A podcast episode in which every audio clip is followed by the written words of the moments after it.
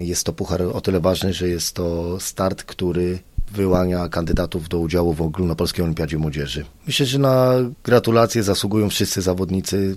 Starali się wygrać każdy ze swoich pojedynków, ale medalistą został e, tylko Antoni Pankowski w kategorii do 51 kg. Sprawił dużą niespodziankę w pierwszym swoim pojedynku, pokonując e, zawodnika ZKS Miastko, utytułowanego zapaśnika, który jest już reprezentantem Polski. I pozostawił złudzeń, że też aspiruje do tego, by rywalizować z najlepszymi. Dalej pokonał w drugim pojedynku zawodnika z e, UKS Niska Warszawa, też to zawodnik utytułowany już z medalami w tej grupie wiekowej. W półfinale wygrał z zawodnikiem z Lidzbarka Warmińskiego, w finale uległ dwa lata starszemu koledze z Unii Swarzędz. Rozpoczęliśmy działalność sekcji zapasów szósty rok. Pięć lat ciężkich, pracowitych, oczywiście przyjemnych też w roli trenera, jak i e, myślę, że zawodników. Cele są ambitne od samego początku. Chcemy wychować olimpijczyka, medalistę największych imprez w kategorii seniorów. Jeszcze długa droga przed nami, ale warto zauważyć, że już pięć lat minęło, a tak naprawdę w sporcie te lata mijają szybko i myślimy, że uda nam się osiągnąć wyznaczony przez nas cel. Chciałbym, żeby to wszystko szło y, swoimi etapami, czyli w każdych z grup wiekowych, żeby zawodnicy